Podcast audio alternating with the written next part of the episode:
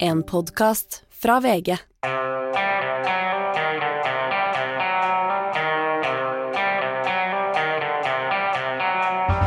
Ikke visste jeg at alle disse dagene som kom og gikk, det var selve uke 36. Valgkampinnspurt, Hans Petter Sjøli, du begynner å bli eh, Du begynner å bli litt sliten? Jeg er litt sliten, men det er jo sånn da, vet du, når det nærmer seg valget, så blir man jo, får man litt ekstra energi også. Så det er en sånn adrenalin òg.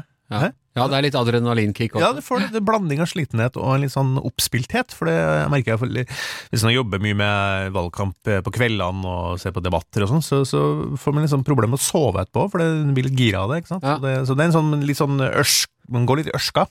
Jeg må si at av alle de tingene jeg har vært med på å dekke som politiske greier, så syns jeg alltid at lokalvalg er litt kjedeligere enn andre, men i år har det vært ganske spennende, og det har jo skjedd mye også politiske nyheter som ikke er direkte knytta til valget, men som selvfølgelig da får, eh, får en innvirkning på det. Det begynte ganske kjedelig, syns jeg, eh, og litt sånn konturløs, vanskelig å vite hva som var sakene. Men så er det jo Det som er interessant nå, er at vi sitter med en veldig spesiell regjering, for at regjeringa er så upopulær. eh, Sånn at valget her blir på en måte en slags sånn folkeavstemning over dem, over Støre-regjeringa. Og så har vi jo vært ganske flinke her i VG, syns jeg, og i andre medier også, til å fokusere på de lokale valgene, og særlig kanskje de store byene. da. Eh, Og det i storbyene, og så er drar det seg skikkelig til, altså. Ja, eh, og vi har hatt måling hver eneste dag på de forskjellige byene, og eh, i dag er det Oslo og Bergen, de to største, som du har målinger på. og Hva forteller de? Det forteller jeg at i Bergen blir det sannsynligvis eh, går mot et borgerlig flertall, men det er jo veldig rare konstellasjoner, så det er litt sånn vanskelig å si at hvem som blir ordfører. Det blir litt, litt vanskelig. Eh, I Oslo er det dødt løp, altså. Eh, med det derre Industri- og Næringspartiet på vippen på vår måling. Jækla spennende, faktisk. Hvor, fordi- hvor eh, alliansefri er, stiller de? Er ikke de et ganske klart borgerlig parti? Nei, det var den, det jeg egentlig tenkte å si, for at i... jeg, sånn som jeg forstår det, da. Så, så på, eh, Vi snakka mye om Kristiansand forrige uke, det er det i uka her. og Der er, de litt usikre på hva, hva de står for, for de har vært veldig lite med i debatten. I Stavanger så eh, er det mange som mener at INP der er ganske sosialdemokratisk. I Bergen har de vel kanskje vært ja, litt mer borgerlig. Oslo er veldig uklart. Så det gjør jo det heller litt mer spennende. Hva slags parti er INP? Hva, hva står de for? Hva, hvilken side vil de støtte når det, når det kommer til maktfordel, når de skal liksom fordele maktposisjoner og, og, og utmesle politikk? Så det blir spennende. Men altså, vi har en byregjering i Oslo som blant annet lener seg tungt på MDG. Og MDG og Industripartiet, de kan ikke sitte i samme byregjering, kan de det? Nei, det kan de selvfølgelig ikke. Det, det, men, men, men så er det jo et eller annet med, med i kommunepolitikk og sånn alltid når du skal eh, Politikerne når de skal fordele verv og, og få ordførere og ledere for utvalg og ditten og datten, så, så blir man jo ganske tøyelig altså, med hvem man samarbeider med, da.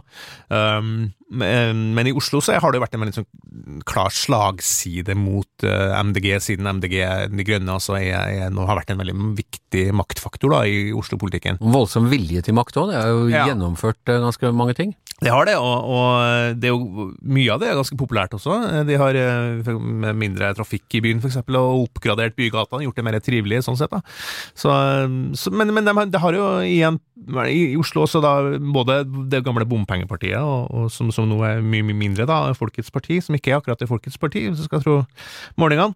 Uh, og, og INP har jo da motprogrammert seg litt da, mot den mm. litt sånn ja, Miljøpartiet De Grønne kan jo bli litt intense i sin, eh, i sin argumentasjon, så, så det har jo fungert bra for dem. da. Når de skal minske softisen og sånne ting, så er det litt uh... Ja, Det tror jeg er noe som du er veldig, har blitt veldig berørt av, den softis-debatten. Jeg er veldig redd for at softisen skal bli mindre, for jeg er veldig fornøyd med størrelsen på softis. Nei, men Jeg syns egentlig at softisen er for stor. Jeg, jeg blir så, blir så mett godt nedi der. Ja, det er noe av det jeg liker. Jeg liker den litt overmette softis-følelsen, og jeg er livredd for at MDG skal ta den fra meg. Eh, Rødt, eh, de har jo vært gjennom en liten sånn ledelseskrise i løpet av den perioden. Eh, Gjort det ganske bra i Oslo, vist liksom både selvstendighet og, og men også ansvarlighet i eh, perioder, og så hadde de dette lederskiftet tidligere i år. Hvordan gjør de det på målingen nå rett før valget? Rødt er nedadgående, eh, og det ser vi generelt eh, på veldig mange målinger. De, de, de sliter nå. Eh, Det kan skyldes mange ting. Det kan skyldes solbrillegate, lederskiftet. I Oslo skyldes det også at det Rødt som nå har etablert seg i et etter at hun Eivor Evenrud meldte overgang til Arbeiderpartiet, så har Rødt blitt et mer radikalt parti, mer sosialistisk parti, mer sånn, ja, litt av den litt gamle eh, Ikke si at de er blitt som AKP, men det er blitt mer, mer sånn, sånn sosialistisk Litt mer dogmatiske? Ja, ja. Og, og, det gjør jo at, eh, at de eh, går ned på ganske mye ned også, eh, på målinga her. Nærmer seg ned mot 4% nå. De har jo i Oslo siste valg fikk over 7 og har jo, har jo også gjort det bra sånn, på måling, enkeltmålinger. Sånn. Så Rødt er litt på defensiven, mens Miljøpartiet De Grønne, som vi snakka om i stad, virker å være litt på offensiven igjen. Mm. Uh, og så er det sånn i, i Oslo også at uh, SV, ordførerpartiet? Uh, SV ligger sånn ganske jevnt, det er ikke så veldig mye utvikling der. Litt ned på målinga her, mens Arbeiderpartiet går ganske mye fram, da. Uh, i hvert fall, i hvert fall signifikant fram i forhold til målinga sist. Så de ligger litt unna valgresultatet, men altså det er ikke men de kan, altså Hvis de klarer med Raymond Hansen og de klarer å mobilisere på slutten, så kan de fort uh, ja, touche borti det resultatet de hadde for fire år siden, da, som ja. riktignok var dårlig, men som ga dem jo, var med å gi dem eh, byrådsmakta. Men alt i alt, til tross på, altså man må jo si til tross for alle de store problemene de har hatt på nasjonalt nivå, og med uh, utskiftinger i regjeringen og inhabilitet og sånne ting, mm. så har Arbeiderpartiet gjort en ganske bra valgkamp. Uh, før sommeren kunne det se ut som de skulle miste alle storbyene, og nå blir det kamp på kniven uh, på, i flere av dem. Ja, og det var det som også gjort, gjør at valget blir så spennende nå, fordi vi avskrev jo, var mange av oss som avskrev Arbeiderpartiet ganske mye da.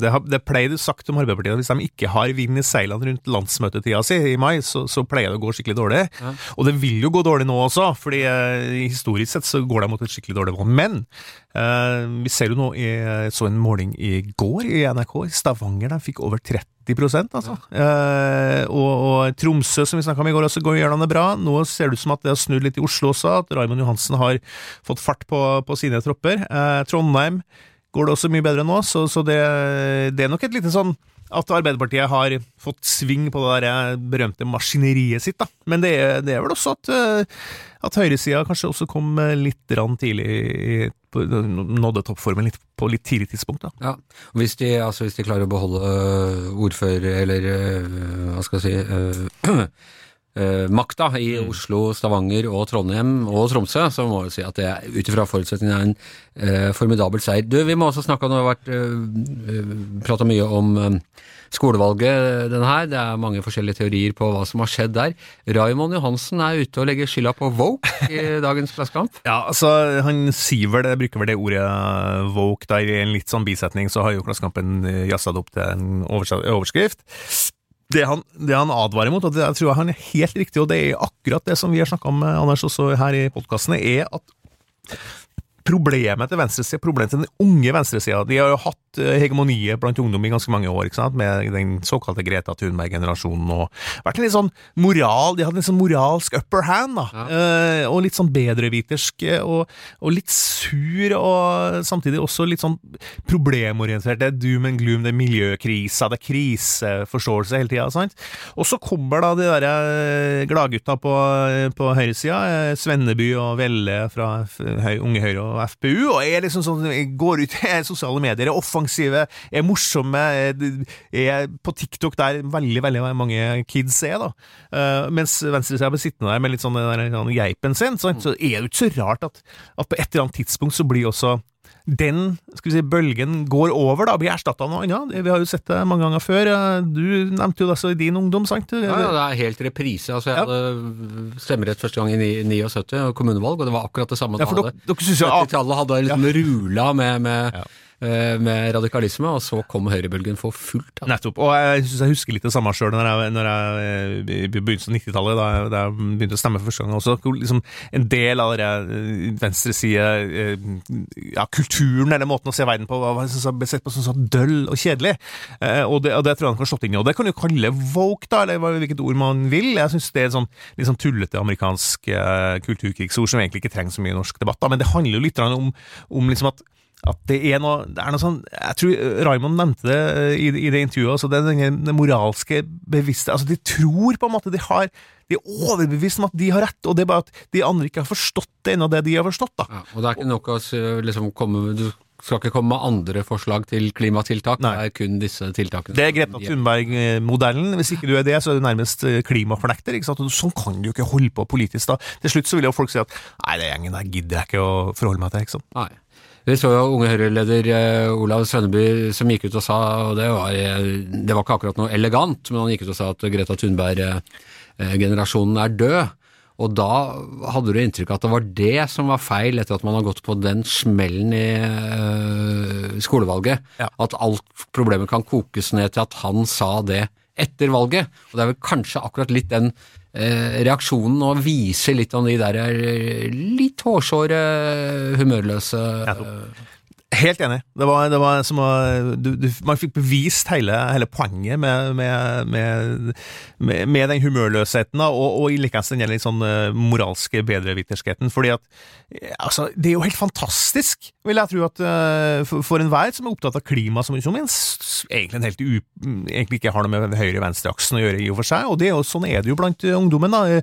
FpU-lederen sier at han er i, i politikken fordi han vil løse klimakrisen.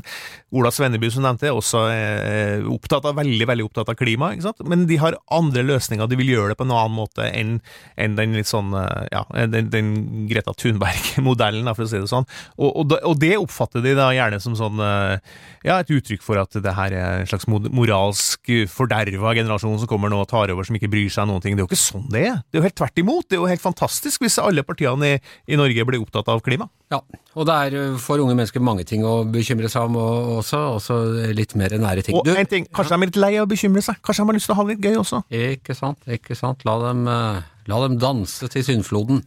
Du, um, vi må ta bare helt kort om uh, Huitfeldt-saken nå. Har ridd denne uka. Vi har snakket om det hver eneste dag. og Det har kommet drypp, drypp, drypp, drypp.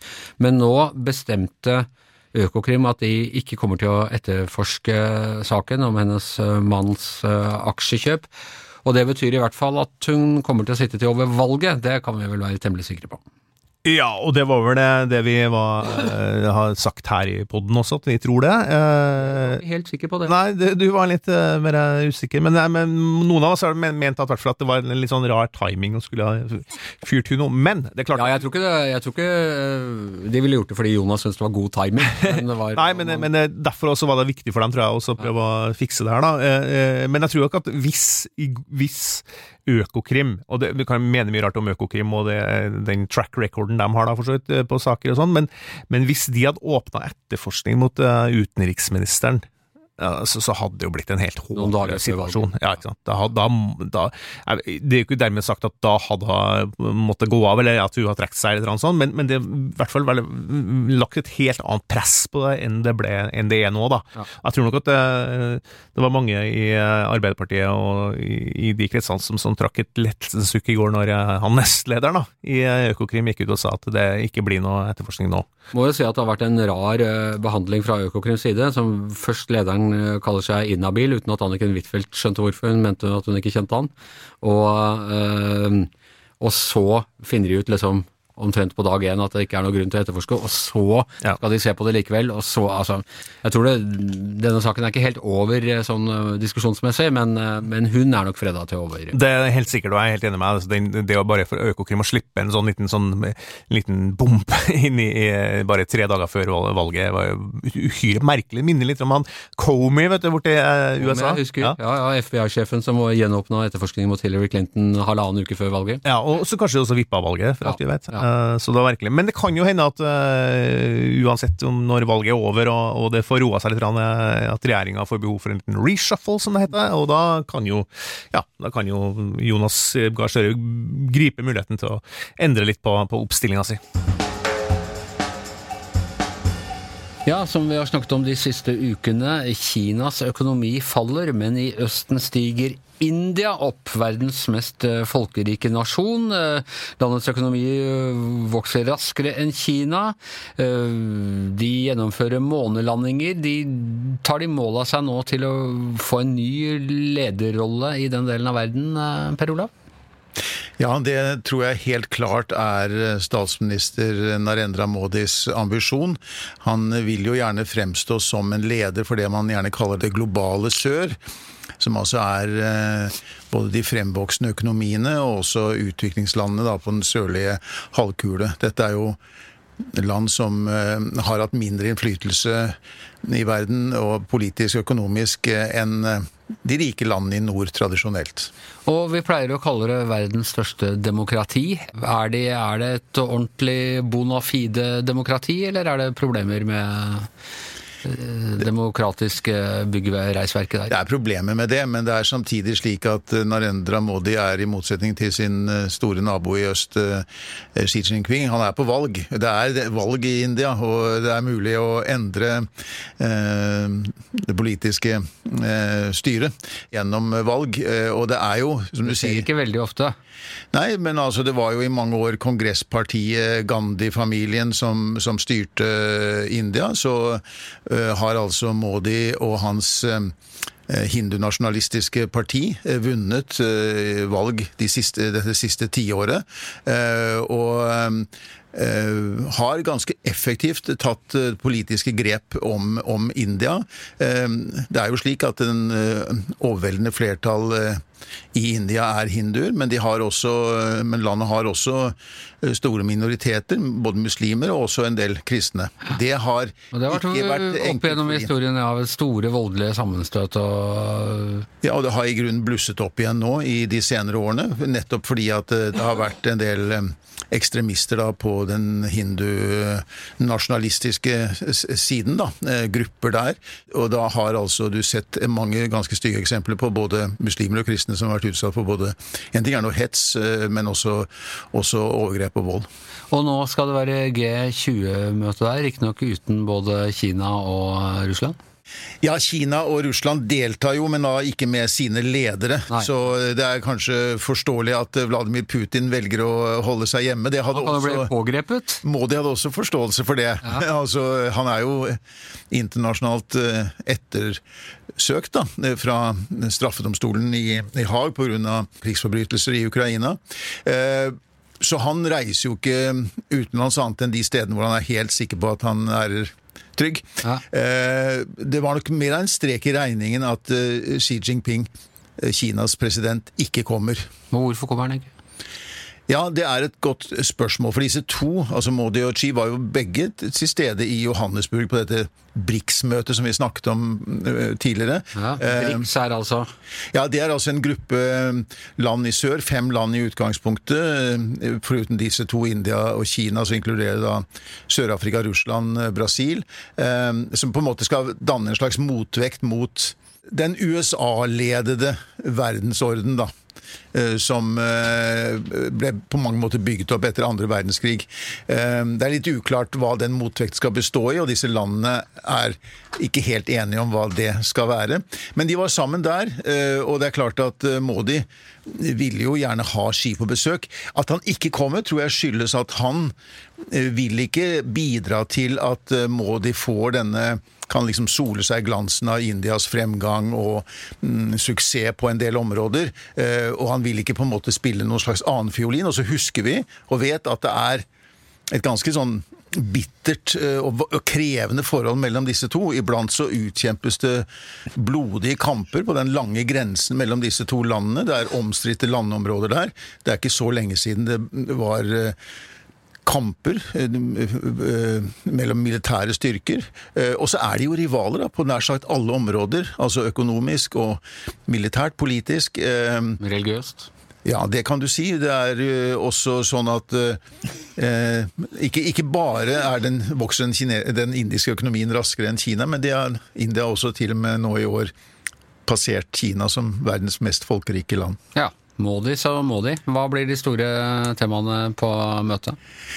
De skal jo forsøke å bli enige om et slags felles kommuniké her. Eh, Det blir veldig krevende, fordi alle sånne store internasjonale organisasjoner som dette, G20, er jo på en måte dannet for å kunne stabilisere verdensøkonomien, for å gripe inn og kunne gjøre ting når det er problemer i verdensøkonomien. Vi så det fungerer ganske effektivt mm, i finanskrisen i 2008-2009. Eh, Da kunne de bli enige om tiltak for å på en måte stabilisere forholdene. Nå er det mye vanskeligere å få til det, fordi det er liksom en avgrunn mellom de demokratiske landene og, og, og de autoritære nasjonene som også er med i G20. Det er mye vanskeligere å finne den type enighet. Det var jo et, et håp om at man på dette møtet skulle få til et toppmøte da, mellom eh, Joe Biden, han kommer, eh, og Xi Jinping. For det hadde jo vært en sjelden anledning da, for disse to til å kunne møtes, og de har virkelig mye å snakke sammen om. Det blir jo ikke noe av fordi Xi ikke kommer. Og så tror jeg da som sagt at eh, Modi kommer til å bruke anledningen på en måte å framstå som det globale sørs talsperson her, og for å fokusere på utviklingslandenes eh, behov da, i verdensøkonomien. Så eh, jeg tror det kommer til å bli et slags hovedtema. og, og så er det jo mange interessante tosidige møter da, eh, i en, i en sånn setting som dette. Det, det blir en utfordring, for å eh, si det sånn. Eh, Modi er ikke verdens beste demokrat, han heller. Nei, det er jo som sagt, han har jo denne hindunasjonalistiske eh, Det har vært en ledetråd i hans eh, styresett, og det er det som på en måte mm, har eh, definert hans tid som Og det har vært Det, er, det har ikke vært enkelt for minoritetene i India, og det er Det er også et land med begrenset ytringsfrihet, for å si det på den måten. Altså Pressefriheten står ikke høyt der. De scorer lavt på pressefrihetsindekset, f.eks. Så det er ja, i navnet er det et demokrati. Det er faktisk det er, Og det er helt annerledes enn Kina. Det er ikke et ettpartiregime på samme måten som selv om, det, selv om nå Modis parti dominerer indisk politikk, så har dette endret seg over tid. Så det er Man måtte jamføre. Hvis de står liksom ved siden av Kinas og Russlands representanter, så ser det ganske bra ut. Ja, og er, du ser hvor ivrig og hvor viktig India er blitt for USA. USA ser jo India både som en viktig handelspartner, men samtidig som en viktig motvekt da, mot kinesisk innflytelse um, i verden, og ikke minst i Asia. Uh, og Modi er en pragmatiker. Han uh, kjøper billig olje fra Vladimir Putin, uh, og han handler med amerikanerne, og forholdet mellom skiftende amerikanske administrasjoner og India består. Og denne helgen vil gi ham litt ekstra sjanse til å skinne.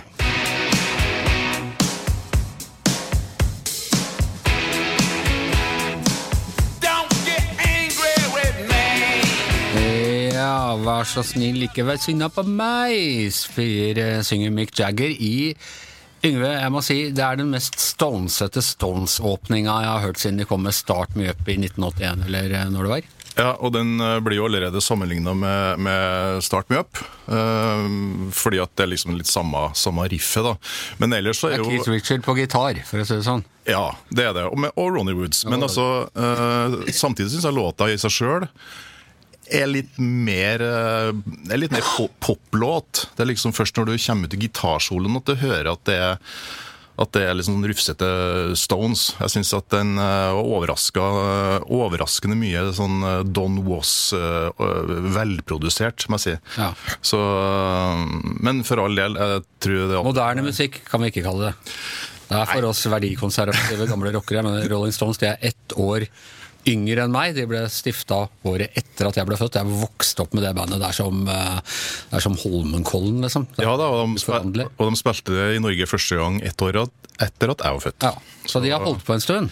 Ja da, de har holdt på en stund, men samtidig så må jeg si at jeg er jo såpass ung da, at jeg slapp å velge mellom Stones og The Beatles. Nei. Sånn liksom fått... Dessuten hadde du bare valgt Beatles. Nei, jeg har, jeg har da Du hadde det, kom igjen. Nei, altså jeg, Jo, det startet med Beatles, men jeg har blitt mer og mer glad i, i Stones. Du er større Beatles-fan enn Stones-fan? Ja, Hvis du måtte velge? Hvis jeg måtte velge, Ja. eh, så er jeg nok det. Men samtidig så jeg har enorm sans for Rolling Stones og for prosjektet deres, og at de har holdt ut såpass lenge og sånn. og ja.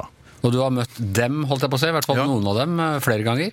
Ja, altså Keith Richards har jeg vært så heldig å møte tre ganger. eh, og så har jeg møtt hele Stones én gang. Ja. Eh, men det var sånn og på Valle Hovien og sånn meet and greet eh, som ble, ble introdusert av plateselskapet. Det var i 1990, da.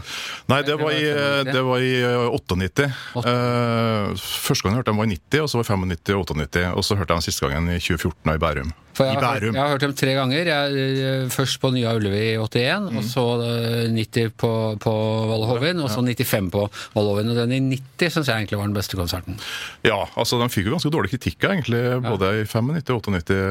At de var for, altså, til og med VG skrev at de var slapp og gammel. Og, Men det har vi holdt på med så, så lenge jeg kan huske. Ja. De, de hadde jo sin storhetstid eh, da du gikk i eh, barnebarnehagen og jeg begynte på skolen, så det er jo Ja. Men bare for lov til, å, lov til å si det, da. Altså, jeg hadde en eh, fantastisk kveld med Keith Richards eh, på begynnelsen av 90-tallet. da Han ga ut en plate, The Main Offender. Jeg jobba i London akkurat da, og så var det pressekonferanse i eh, Paris som jeg og fotograf Mats Fogman måtte hive oss rundt og, og dra på. Og vi kom eh, på hotellrommet til Keith Richards eh, som de absolutt siste, eh, og fikk da streng beskjed av denne publicisten om at vi kun hadde et kvarter på oss. Men så, ja, jeg er ennå interessert i Stones, er interessert i det han holdt på med og sånt, og så jeg begynte å spørre om litt sånn musikktekniske ting, og dermed så avfeide han publisistens eh, beskjed om å bryte av, så han sa at vi satt og skravla ganske lenge. Og så måtte vi bare Ja, så måtte Ja, vi du spurte sånn, Hva slags gitarhalser foretrekker du? ja, og var litt også liksom sånn på Kofferen hadde spilt spilte riffet på Start Me Up tre, på tre forskjellige måter og sånn. Eh, Så, Essensiell informasjon. Ja, vi var på nivået der. Uh, også, men så måtte vi nå var over, da, så gikk vi ned og satte oss i resepsjon. Og så sitter vi og prater og diskuterer hvordan vi skal gjøre det, og sånn. Og så kommer Keith Richards ned, og gående mot oss, og så sier han har dere lyst til å være med på å ta en matbit? Eh, Så kan vi se og ta en drink etterpå. Og du vet, eh, ja, har jeg lyst til å bli med Keith Richards på bar? bar? Ja, jeg tror det. Så jeg bare sa at, Og vi hadde ikke noen mobiltelefoner, og sånt, og så jeg sa bare til, til Mats Fogman at du får bare ringe vaktsjefen i VG og si at det kommer ikke noe story i dag. Så I dag kunne du tatt en selfie, så hadde du fått Ja. den på fronten. Ja. ja. Eh, supert. Eh, De er altså nå eh, 80 år gamle omtrent, altså, Ja, altså- i eh, gjennomsnitt. Mick Jagger er 80. Ja. Keith Richards blir 80 nå den 18. desember i år. Ronny Woods han er midt på 70-tallet. men, eh, Og det er jo da de si, gjen, gjenlevende utøvende, da. Eh, Men Som det gamle ordtaket sier, det gror ingen mose på en rullende sten. Nei, nettopp. det. Nei, nettopp. Men eh, det er altså jeg mener, løfterikt dette her. Får vi, får vi se dem? da? Skal- de spille live? Ja, det må du regne med. Altså, det, er jo, det er jo en av årsakene også til at det ikke har blitt noe, noe studioplate siden Altså Den siste ordentlige studioplata de gjorde, var jo den Bigger Bang da i 2005. Så ga de ut en sånn coverlåtplate i 2016, Hadde vel. Eh, men det er nettopp, de har, de har vært på turné, og så har de ikke hatt det presset på seg til å lage plate. Det, jo, det har vært sånn spekulasjoner på liksom, ja, De har vel penger i banken. ja, og så sånn, øh, De gir ikke ut plate, for de orker ikke, for de, de tolker trynet på hverandre, de er dårlige venner og sånn, ikke sant? Men, men det er jo ikke det. altså det, Dette har vi jo snakka om før. altså De lider av det som øh, på musikkspråket heter Duke Ellington-syndromet. altså Gi meg ikke mer tid, gi meg en deadline. Og Før så var det sånn at de ga ut en plate, og så dro de på turné. Og Så kom han tilbake fra turneen, og så sa managementet OK. Eh, Nå må dere gå i, plate, nå gå i studiet, for vi skal ha plate om tre måneder. For den skal promovere neste, på neste turné. Og Sånn holdt de på i eh, alle de år. Men så ble de store, de ble større, de ble størst, de ble eldst. Eh, De hadde ikke noe management som drev og hakka på dem. Og så var oppdaga de at de, nei, de kunne jo dra på turné uten å ha en plate å promovere. ikke sant? For folk kom jo likevel, og de ville jo bare høre Start Me Up og Satisfaction og sånn uansett. Og så, så det ble en sånn sovepute for dem, dette her da. Men så Etter AFP. etter AFP, etter å ha For 20 år siden, da de gikk av med AFP. etter å ha negga litt på hverandre, så ble de enige med at de skulle gjøre det likevel. Og da er det sånn at når de først bestemmer seg for det, da er de hverandres verste plageånder. Og det, det, det skjedde jo på samme måte som de har Men blir det live? ja, det, det er helt sikkert blir live. Ja. Fordi at eh, De gikk i studio i begynnelsen på, på året her, og de, det gikk så fort. og De jobba så kjapt i studio som, vanlig, som på vanlig vis. De spilte inn uh, over 20 låter, to plater. Tolv 12 er med på den uh, som, som kommer nå, eller kommer i oktober. Og så har de da 11 låter i, i reserve. og Sannsynligvis så blir det sånn en sånn utvida extension-utgave til 4000 Og kroner. dessuten, med som du sier, folk kommer jo ikke for å høre de nye låtene. De vil jo høre Paint It Black og She's Like a Rainbow og Sympathy for the Devil og sånn. Ja da, og, og på den nye plata også har de et lite sånn eh, en liten sånn hilsen akkurat til, til oss, da, eller til den gjengen der. For en, en av låtene de har spilt inn, er jo Rolling Stone Blues. Ja. Altså gamle Muddy Waters-låta, som ga, Ga dem navnet. ga navnet. Hva er din favoritt-Stones-låt? Uh, nei, jeg er veldig svak for Start Me Up, for da vet jeg at det starter. Ja. Eh, også det er et eller annet med blåtonene i den uh, riffet som, som jeg liker veldig godt. da. Per Olav, favoritt-Stones-låt? Åh, Wild Horses. Wild Horses er nydelig. Ja, nydelig. Jeg må si Gimme Shelter tror jeg er min absolutte favoritt. Ok, det er uansett det er gøy å ha dem tilbake, og vi får håpe vi kan få sett dem igjen det vi jeg vet ikke, vi, vi trodde det i 81 òg, at nå var, måtte vi dra og se dem, for det var siste, siste gangen. Famous last word, så vi må tenke på at vi må ta vare på planeten, så vi har noe å overlate Vi vi kommer til å gå med, vi kommer til å gå med, gå med AFP før Anders. Vi gjør det. vi gjør det.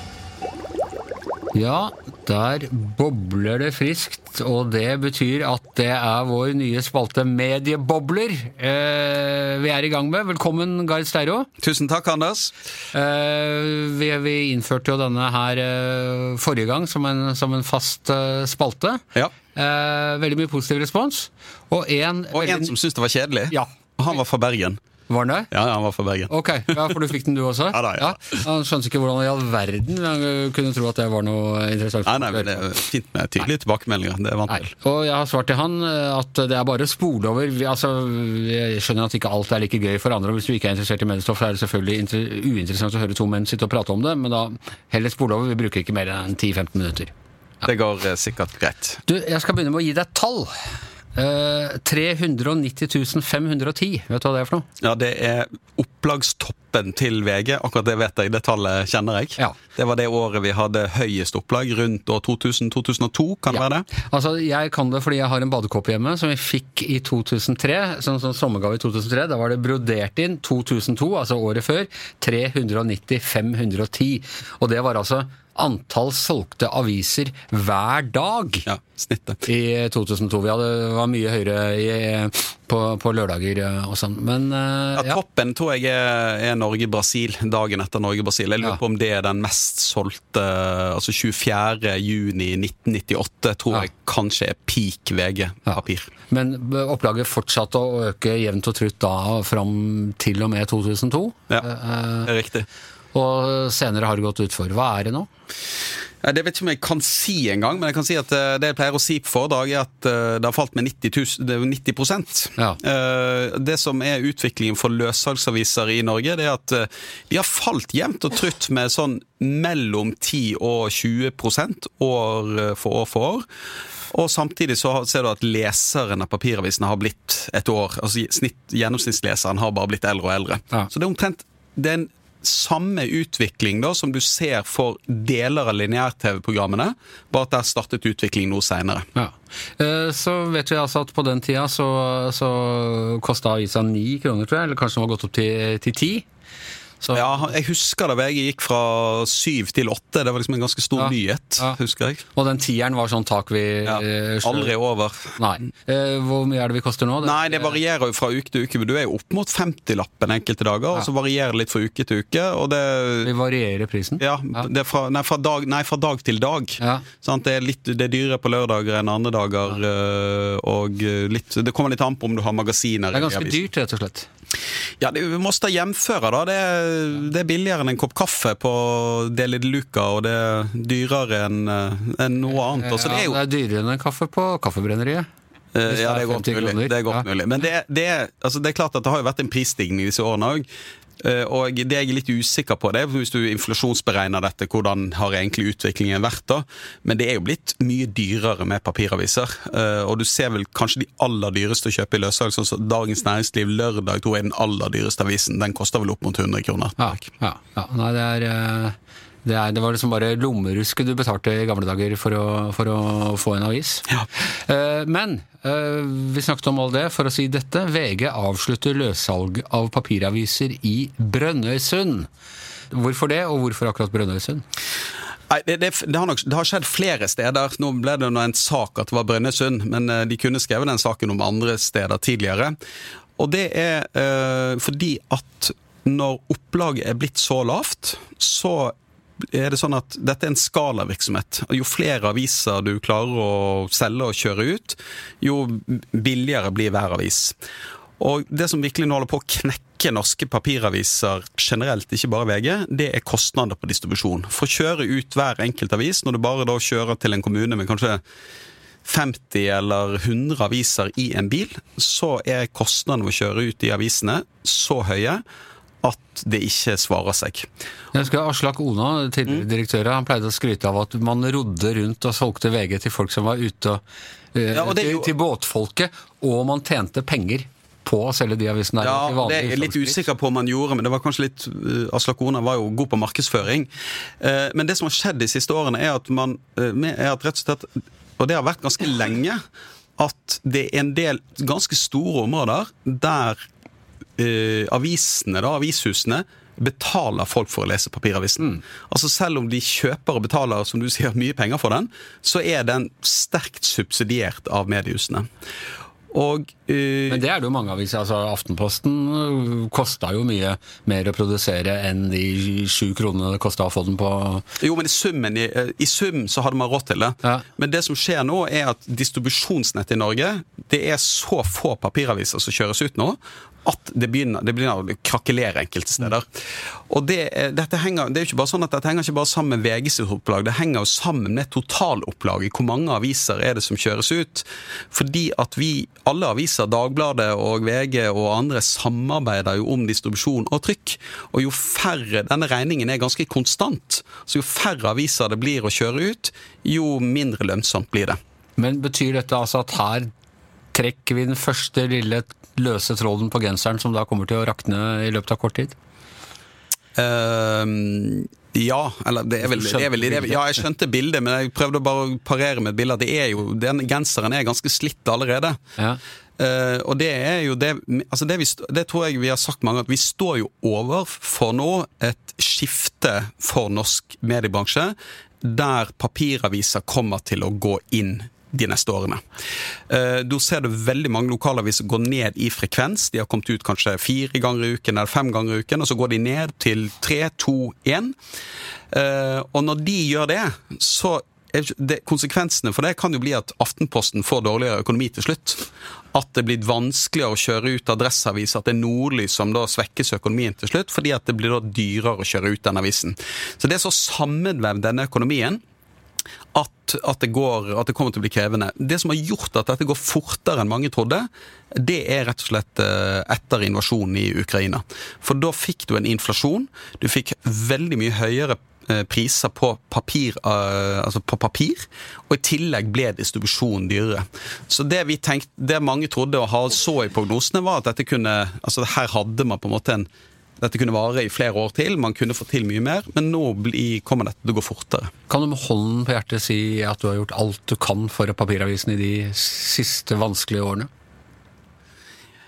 Eh, nei, altså jeg har gjort alt jeg har kommet på eh, for å gjøre det. Og så er det jo det, det, som, det som jeg tror mange syns har vært krevende, da, med mange som lager papiraviser, det er at man har prøvd å øke kvaliteten på avisen. Man har prøvd å, å si at dette må bli en bedre altså Hvis vi bare lager en bedre avis og flere kjøper den, det har vist seg å ikke stemme. For det som ligger i bunnen her, er jo bare en enorm endring i mediebruken. Og vaner? Ja, og at, at papir, og en, altså det, er, det er lenge siden en papiravis var for den breie delen av befolkningen eh, noe du måtte lese for å holde deg oppdatert på nyheter. Ja. Så da inntar du en annen, da får du en annen funksjon, da. Jeg jobba jo i mange år i Arbeiderbladet. Jeg var alltid så glad når det, så hvis jeg satt tre stykker på trikken leste Arbeiderblad, så var det liksom sånn eh, 20 leste Dagblad og 40 leste VG. Liksom, ikke sant? Men alle satt jo og leste avis på trikken. Det, Ja, det, og det, ser det ser du jo knapt nok lenger. Jeg blir jo glad når jeg ser øh, Men altså jeg, altså jeg mener jo at papiraviser har en funksjon. Jeg mener Vi skal ikke ta lett på det. For det er, for mange så er dette viktig. Og papiravisene har jo fortsatt en eller annen sånn det gir en annen måte å konsumere journalistikk og innhold på. Det er en annen måte å presentere en innhold på, så de kan ha en funksjon. Problemet, og spesielt da i et ganske grisgrendt eh, land som Norge, det at det er ikke å lage papiravisen som blir problemet, det er ikke å lage journalistikken som er problemet, men det er jo rett og slett å få disse ut til folk. Som i sin tid var VGs suksessformel, at man klarte å få avisen ut i absolutt hele landet på relativt kort tid.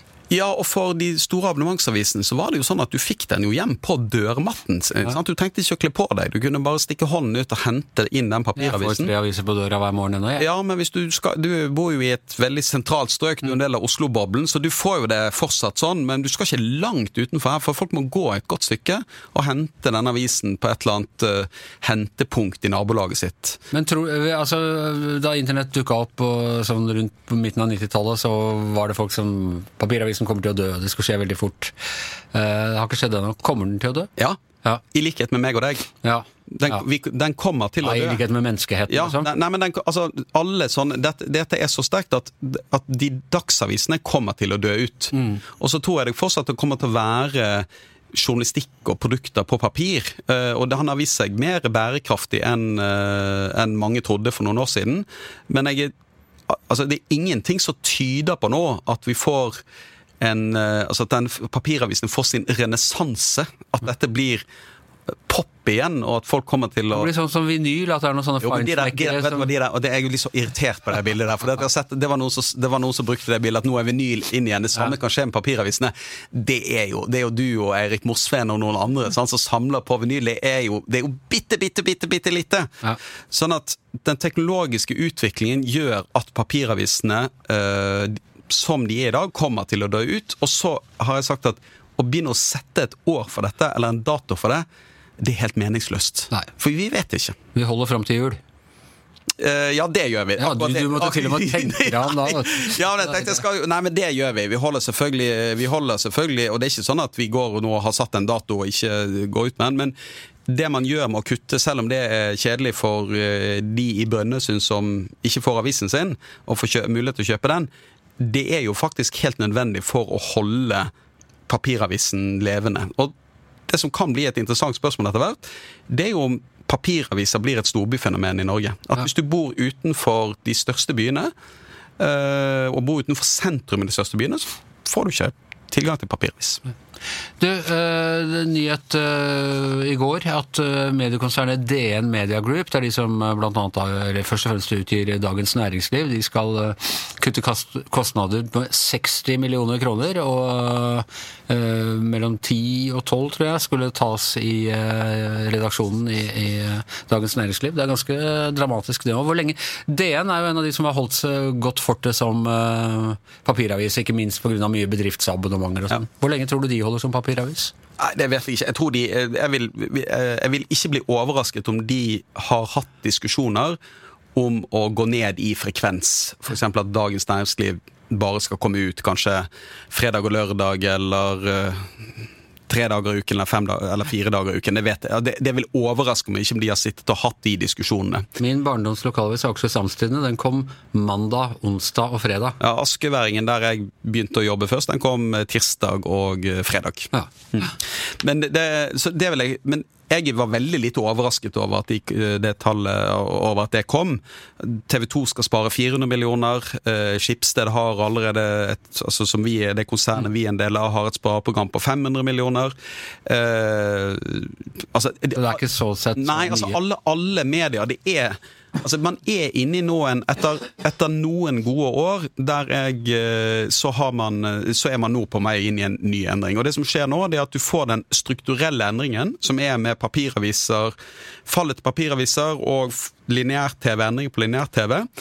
Så kommer det samtidig som, en, eh, som at med høy inflasjon og en konjunkturnedgang. Og det gjør det, gjør det utrolig krevende for mediene. For vi, vi lever jo av annonser, og at folk er villige til å betale for, eh, for, eh, for journalistikken vår. Og så får folk litt dårligere råd, og kanskje kutter ut en, eh, en avis, eller lar være å tegne et abonnement.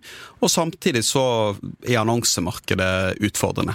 Og når du får disse tingene samtidig som det er en strukturell endring, at da mediebedriftene må kutte, det overrasker meg ikke. Nei. Det som har overrasket meg, det er at særlig fra politisk hold, da, så har på en måte ikke dette vært en sånn jeg, synes, jeg blir veldig overrasket av politikere som snakker så mye om mediemangfold, så mye av viktigheten av journalistikk, og så er man hele tiden så på etterskudd med å forstå disse endringene. For vi som har jobbet i denne bransjen, vi har jo visst at disse kuttrundene de vil komme på et eller annet tidspunkt. Og så har alle mediene nå prøvd de siste årene å investere veldig mye i teknologi og utvikling og prøve nye ting for å skape nye muligheter til å finansiere journalistikk. Vi har jo altså denne presse, omdiskuterte pressestøtteordningen, som, eh, som ikke vi er en del av. Vi får momsfritak, men altså ikke sånn direkte støtte. Men en god del av de avisene er jo veldig, har vært veldig papiravisbasert. Jeg tenker sånn, du ser det i Klassekampen eksempel, som er en av de største mottakerne. Hva vil skje med dem da, etter hvert som disse strukturene det blir veldig spennende. Altså, det, det, det vi skal huske at, altså, sånn som vi snakker om Dagens Jeg har dyp respekt for Dagens. Jeg syns det er en veldig god avis. Jeg tror det er en viktig avis. Og jeg synes også vært veldig gode siste uka på Huitfeldt ja, ja, det, det, det, altså, Dette er jo viktige aviser, det er gode aviser, sant, som er en del av norske medier. Og Klassekampen mener jeg er en veldig god, god avis, syns jeg.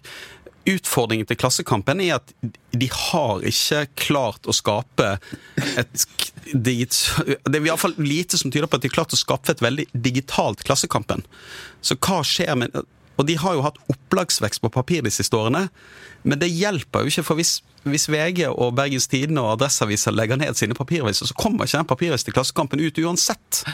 Annet enn til oss som bor bak Ja, i kanskje ikke bak de, ikke, de må jo trykke den avisen et eller annet sted. De trykker jo Jeg vet ikke helt hvor det trykkes, men det, Duplotrykk. Ja, eller det, det, det kan jo hende det skjer en revolusjon innen trykkerivirksomheten, men, men dette, det, heng, det er så sammenvevd, dette, at aviser som er gode på papir og først har et høyt opplag, kan bli ulønnsomme veldig, veldig kjapt. Ja. Du, Helt til slutt vi må snakke om eh, skolevalget denne uka. Av, eh, mange, en av teoriene på at det gikk som det gikk, var TikTok. At uh, høyresiden har vært bedre på TikTok.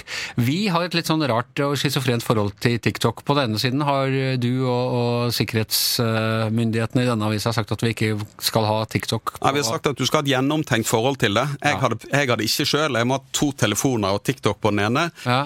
Uh, men Samtidig lager vi, produserer jo for TikTok. Ja, det, det, altså, det var, jeg hørte en som beskrev eh, TikTok som, eh, som det Frankenstein-versjonen av et sosialt medium. Det er altså så ille. Det så, det, du bruker så mye tid på det, algoritmene forstår du ikke, det, vi vet eierskapet er litt utydelig. Men samtidig er det jo Vi kan jo ikke la være å forholde oss til at det er den raskest voksende sosiale mediet noensinne.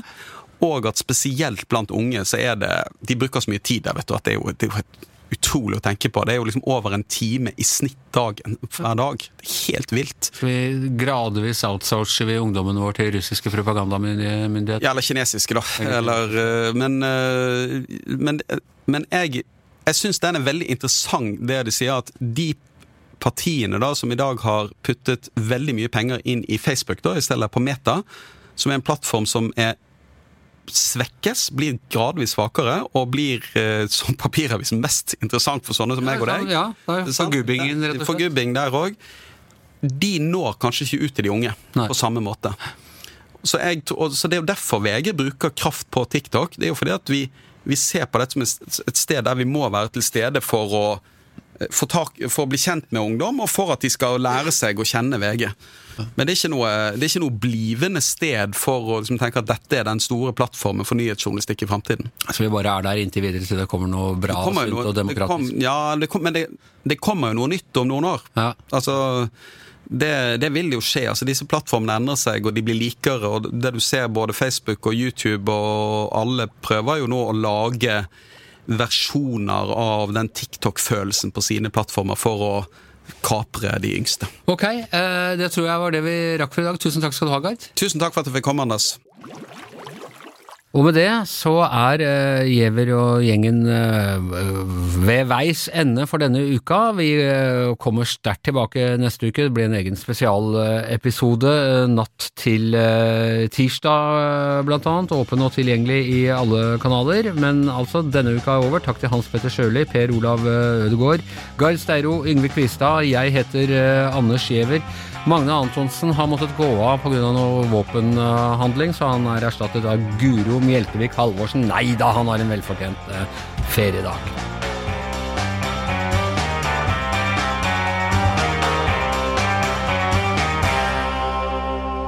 Du har hørt en podkast fra VG. Ansvarlig redaktør, Gard Steiro.